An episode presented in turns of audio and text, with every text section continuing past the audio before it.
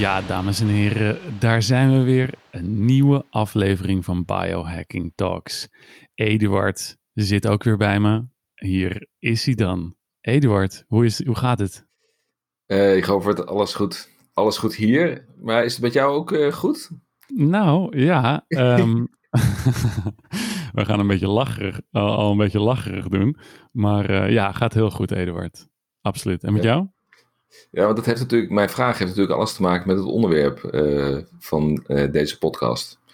En dat is uh, dat ik begreep dat jij een, zeg maar een, bepaald, een bepaalde, ik weet niet of je het ceremonie mag noemen, hebt gedaan met, met paddenstoelen. En daar ben ik zelf heel nieuwsgierig naar.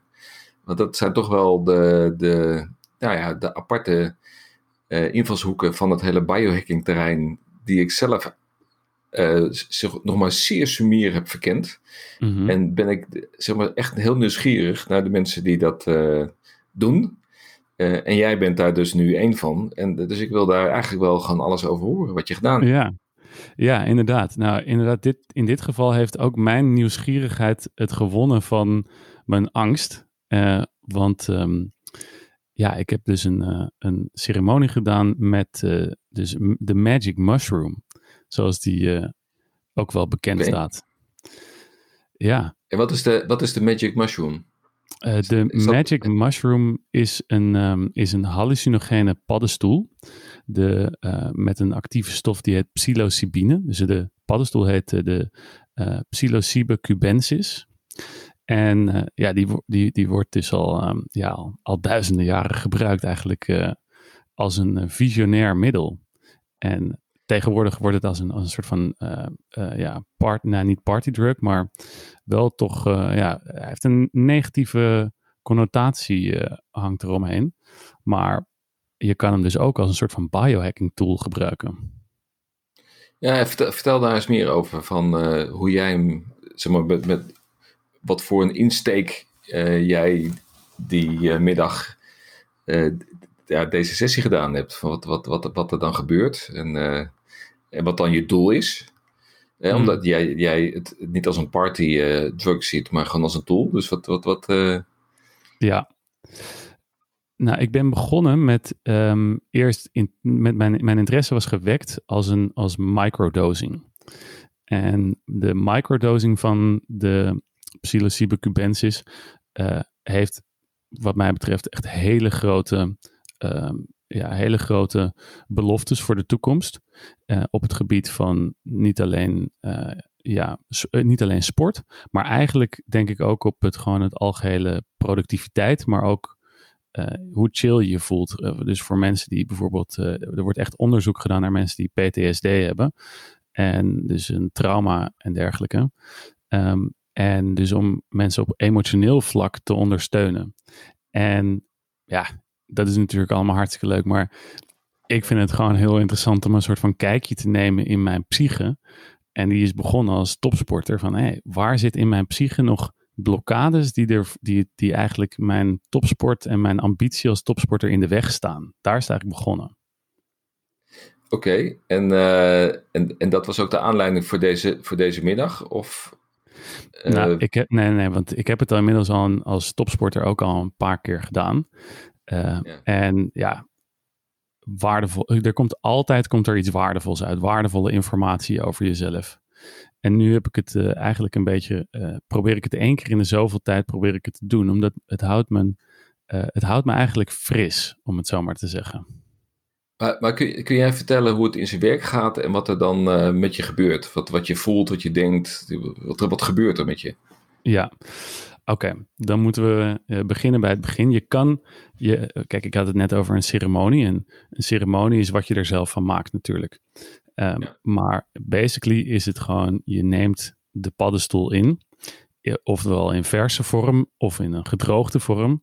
En um, in een gedroogde vorm kan je wat meer innemen dan van een verse. De verse kan je overigens gewoon bij de smart shops bestellen. Um, en je neemt het in en je, en je wacht. Oké. Okay. Ja. En da daar, dus dat, daar zit niet verder een, een, ritueel aan vast. Weet je, dat is gewoon, je neemt het in en je wacht. Ja, er zit, dat, zit er een uh, opdracht bij of zo? Of, uh, ja. Uh, dat, zoals ik al zei, je kan het zo groot maken als je zelf wil. En ik, um, ik hou er wel van als er een beetje een ritueel omheen komt. Want dat maakt over het algemeen maakt dat um, de hele ervaring maakt die sterker en intensiever. Dus ook een bepaalde intentie die jij eraan verbindt. Van oké, ik, um, ik, had, ik, ik kan bijvoorbeeld een, een probleem waar ik al een tijdje mee zit. Als je, als je bijvoorbeeld vastgelopen bent op een bepaald probleem. Of, een, of bijvoorbeeld een, uh, een, als, je, als je ziek bent. Daar wordt het ook veel, veel, door veel mensen voor gebruikt. Uh, om te kijken naar van, um, dat, je, dat je met andere ogen leert kijken naar jouw ziekte of naar jouw probleem. Oké. Dus, dus je gaat zo'n. Uh, ik bedoel, ga je liggen en dan, uh, en, dan, en dan neem je een slokje? Of is het. Uh, wordt het opgelost in iets? Ja, je kan het gewoon oplossen in, um, in, in water of een beetje citroensap. Dat schijnt het wat sterker te maken. En dan ga je, ga je liggen en je kan, je kan twee dingen doen. Je kan of je ogen open houden of je kan je ogen dicht doen. En uh, er worden ook een, er worden veel visuele effecten komen er, uh, komen er vrij. Dus als je je ogen open doet, dan zul je zien dat bijvoorbeeld de, dat er, dat vormen worden vervagen. Of als je bijvoorbeeld naar een bloem kijkt. Nou, een, een, je, je gaat, een bloemen zijn mooi, hè? Maar ja. op, in, met, met, onder de invloed van, van, van paddo's ga je de mooiste bloem zijn. Dan ga je gewoon in, in huilen uitbarsten. Zo mooi is die bloem. En dat is één manier om, om ernaar te kijken. Maar je kan ook je ogen dicht doen. En dan kan je dus op een, uh, ja, op een, op een trip gaan, zoals ze dat noemen. Ja, ik begrijp dat je dat je, je moet overgeven aan het uh, proces. Hè? Dat is, uh, dat is ook met al die andere, weet je, ayahuasca en dat soort dingen. Dat je, dan moet je, dan, je moet je jezelf overgeven en dan heb je de volledige ervaring. Mm-hmm. En ik ben wel heel benieuwd hoe, hoe, jij daarin in staat. Ik heb zelf altijd nog een grote wens gehad. ik heb hele enthousiaste verhalen gehoord over ayahuasca-ceremonies en wat voor een, inzichten je dat kan geven. Maar ik vind het doodeng om iets los te laten. Dat iets, zeg maar, de controle over mijn geest overneemt. Dat is, dat is, ik denk dat ik dat al vanaf mijn jeugd heb. ik weet niet wat dat zegt over mij, maar de, ik kan me herinneren dat ik in Thailand was op huwelijksreis in de jungle midden, midden, echt midden in de jungle, waar je gewoon dagen verwijderd was van de bewoonde wereld. In een houten dorpje waar de oudste moeder, de oma van het dorp, naar ons toe kwam met een opiumpijp. En die zei van, nou, we gaan even roken. We gaan opium roken. en, en, en, en, uh, en ik had uh, zeg maar de, de enige uh, geestverruimende experience die ik heb gehad, dat was een joint die ik tijdens mijn studententijd heb gerookt van een meter lang met mijn studentenvrienden. en waar ik groen en geel van werd. Ik werd er zo intens ziek van dat ik niet weet hoe ik thuis ben gekomen. Nou ja, de, misschien dat dat een traumatische ervaring was, maar die opium, ik heb me zeg maar uh, met alle macht verzet tegen de geestverruimende werking van, van die opium. En, je hebt je daar tegen dus, verzet? Tegen verzet, ja. Dus ja. dat, dat, dat en, en nou ja, zo kan ik nog een aantal andere voorbeelden noemen. Op het Biohacker Summit twee jaar geleden in Finland. daar had je een lamp waar je onder kon liggen. Mm-hmm. en, en die lamp die gaf ongelooflijk veel, veel verschillende kleuren. Een beetje, beetje strobo, stroboscopisch ja. effect. Ja. Uh, met als doel dat je dan jezelf ook overgaf en dan uh, eigenlijk gewoon uh, een beetje, ja, ook in, een, ja. een, trip maakt. Ja. En, en, en daar ben ik wel heel benieuwd hoe, hoe jij daarin zit. Van, van is dat inderdaad zo dat je je volledig moet overgeven, dat je het moet loslaten en dat dan de, de echte bijzondere effecten gaan plaatsvinden? Ja, je, je, inderdaad. Het heeft voor absoluut met overgave te maken. En een van de dingen die, die ik dus uh, gemerkt heb, dat ik, ik heb hier eigenlijk wel een talent voor, volgens mij. Uh, omdat okay. ik ook, ja, ik heb tijdens het, uh, tijdens het roeien heb ik geleerd hoe je je tijdens zo'n maximale inspanning volledig moet overgeven aan dus de inspanning en de vermoeidheid. En dat je daar als het ware doorheen kan. En dat, het, en, dat het, en dat je lichaam het overleeft op het moment dat je dus door zo'n moment van, van volledige overgave heen gaat. En dat je eigenlijk gewoon. Het, het, het, voelt, het voelt heel vaak als doodeng. Uh, voordat je die controle. Om, de, om die controle over te geven. Want hetzelfde gebeurt in een, in een roeiwedstrijd wanneer je maximaal gaat. Je, je probeert controle te, te houden. En je lichaam schreeuwt tegen je: Oh nee, hou vast, hou vast. En weerstand. Uh, komt er, komt alle stemmetjes in je hoofd die schreeuwen alarmbellen. Maar eigenlijk op het moment dat je dan eenmaal die overgave hebt gehad, dan merk je dat het een soort van jump in een, eh, van een cliff was die doodeng was, maar onder, onderop is, staat een bak met veren. En zo voelt het eigenlijk. Hetzelfde, ja, ik heb, ik heb heel vaak, ik heb wel eens tegen mijn collega's uh, die er interesse en die er naar hadden en die er naar vroegen, heb ik wel eens uh, gezegd van ja, um, een, een echt een, een, een, trip, bijvoorbeeld ook een, een ayahuasca-trip, is vergelijkbaar met een roeiwedstrijd. Ik wil, daar, wil ik het zo nog even over hebben, want dat vind ik wel interessant. Maar wat ik nog even wil weten is van ho hoe lang duurt zo'n trip? Mm, ja, je, je hebt een soort van um, een, een, een curve van, van de trip. Je begint en dan wordt het steeds heftiger. Nou, het duurt ongeveer drie kwartier voordat de effecten beginnen na drie kwartier heb je denk ik nog een, uh, een, nog een drie kwartier waarin het opbouwt naar een piek. En op de piek, en het verschilt per persoon, kan je ongeveer een uur tot twee uur zitten. En daarna worden de effecten worden steeds minder. Okay. En dus ongeveer, ik, in totaal denk ik dat je, uh, dat je ongeveer vier, vijf uur uh, bezig bent. En, en heb je dan ook uh, een, een, soort kater daarna of zo? Weet je, een soort, een soort of geen kater, gewoon een soort, soort, ja, een soort van bijwerking, bijeffect. Dat als het gewoon klaar is, of ben je dan gewoon helder, net alsof het niks aan de hand was, niks, niks gebeurd is. Ik, ga je weer over tot de orde van de dag? Ja, ik zou zeker. Je bent wel helemaal gesloopt. Dat wel, daarna. Maar vooral ook omdat okay. het is lichamelijk ook. Het is, het is lichamelijk ook echt zwaar. En uh, geestelijk ook. Het, je, die, er, het is net alsof je, je kan, het is net alsof je weer een baby bent en allemaal dingen voor het eerst ziet. En ja, dan, dan ben je gewoon. En, en tegelijkertijd voel je ook nog eens alsof je door een, uh, alsof je de hele tijd in een, in een achtbaan hebt gezeten.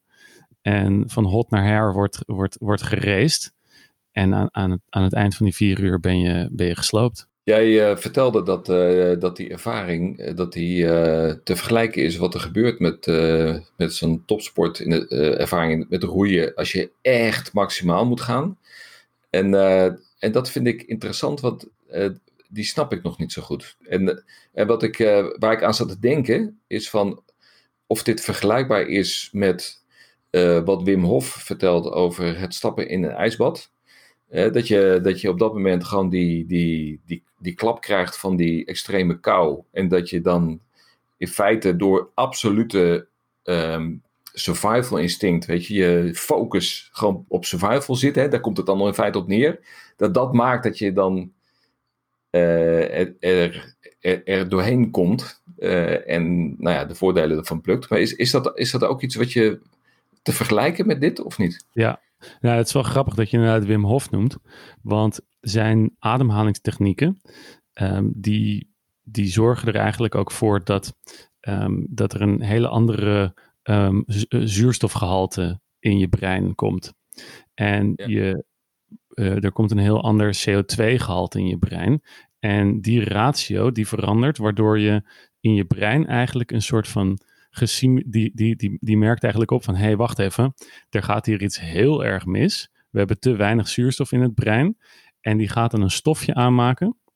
En dat stofje, dat is eigenlijk een soort het stofje wat ook vrijkomt wanneer mensen uh, een bijna doodervaring hebben. Of wanneer mensen, uh, dus ja, uh, vlak voordat mensen sterven, komt dat stofje vrij in ons lichaam. Dat weten we. En dat geeft een euforisch gevoel. Dus het, is het, het stofje heet eh, DMT. En dat is een lichaams-eigen stof, die produceren we zelf. En de Wim Hof methode is een van de manieren om dat dus uh, te laten vrijkomen. Maar het grappige is dus dat uh, psilocybine, die actieve stof in paddo's, dat die chemische samenstelling daarvan ook opgebouwd is uit onder andere dat molecuul DMT, wat dus in ons lichaam voor die ervaring zorgt. Maar wil, maar wil je nou zeggen dat uh, als jij in die roeiboot zit uh, en je moet dan uh, volgaan voor de Olympische finale en het is erop of eronder, dat dan ook zo'n dergelijk stofje vrijkomt? Of, of is het een andere parallel? Nou, dat zou dus.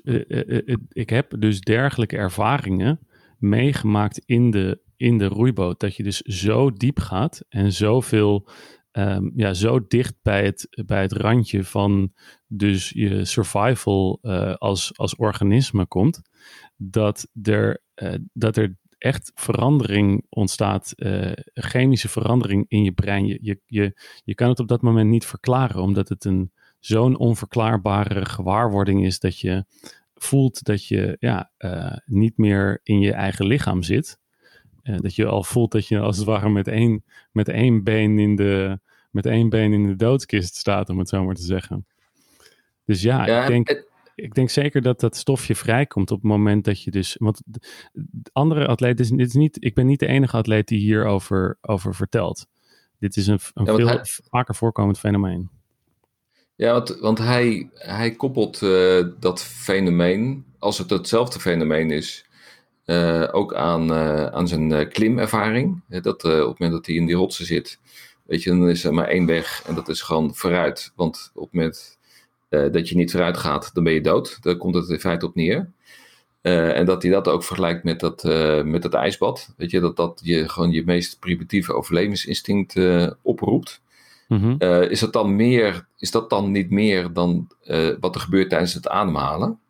Dat, dat, dat, dat, dat je zo diep je, zeg maar, je overlevingsinstinct aanroept, dat, dat dat tot een bepaald effect leidt? Mm, in het ijsbad kan ik het, um, kan ik het nog niet herkennen. Misschien omdat ik zelf nog niet, um, nog niet dat heb meegemaakt tijdens, een, uh, tijdens zo'n zo'n uh, zo'n zo'n ijsbad. Maar ik weet wel dat, hij, dat hij, hij heeft het, die Wim Hof, die heeft het ook al een keertje gehad over dat hij dus tijdens zijn ademhalingsoefeningen um, ditzelfde effect heeft gevoeld. Hij, hij, kan het, hij kan het zelfs oproepen, gewoon dagelijks als hij zou willen. Ja, um, ja ik raad het niet ja. mensen aan, want het is niet per definitie comfortabel, wat ik al zei. Het is geen partydrug. Je gaat, doet het echt niet voor de lol. Je doet het om, omdat je dus je bewustzijn zo wilt veranderen dat je er iets van gaat leren. Misschien is het ook wel dat uh, witte licht waar hij het over heeft, uh, wat je ziet aan het eind van die ademhalingsoefeningen. En dan, dan heeft hij het erover dat er een soort wit licht verschijnt. Ja. En uh, ik moet eerlijk zeggen, dat heb ik, ik heb dat zelf nog nooit zo bewust ervaren dat ik wit, licht zie.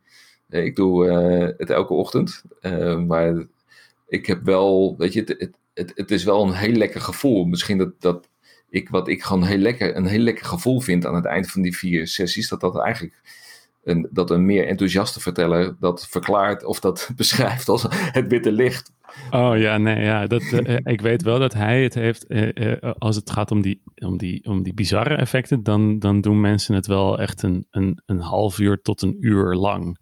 Die ademhalingsoefeningen. Ja, ja, ja. Oké, dan moet je gewoon doorgaan. Ja, dan moet je, je moet gewoon nog even doorgaan. Een half, half uurtje ja. doorpakken erachteraan. Oh, nou, ga ik, dat, ga ik ga de volgende keer doen. En, ja. en ik ga ook, ik ben weer geïnspireerd door jouw uh, dus ik denk dat dit mij zelf weer een klein stukje dichter bij het experiment heeft gebracht.